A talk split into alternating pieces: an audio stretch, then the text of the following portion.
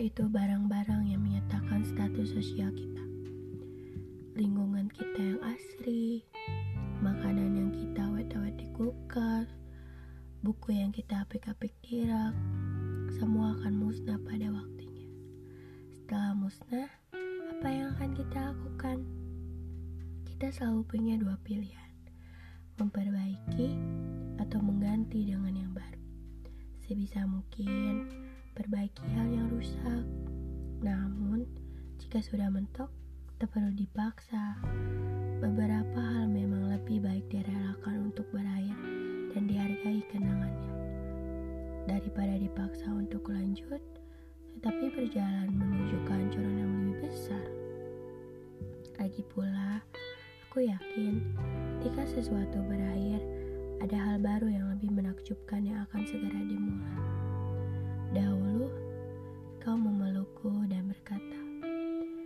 Perasaanmu tak akan berubah. Ternyata perasaanmu berubah.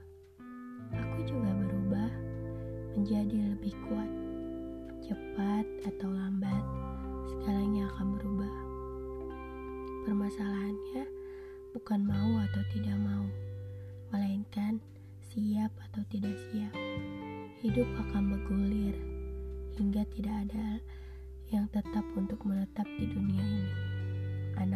Menjadi orang tua, siang akan menjadi malam, daun akan menjadi gugur, kekasih akan menjadi orang asing. Namun, manusia adalah makhluk yang hebat dalam beradaptasi.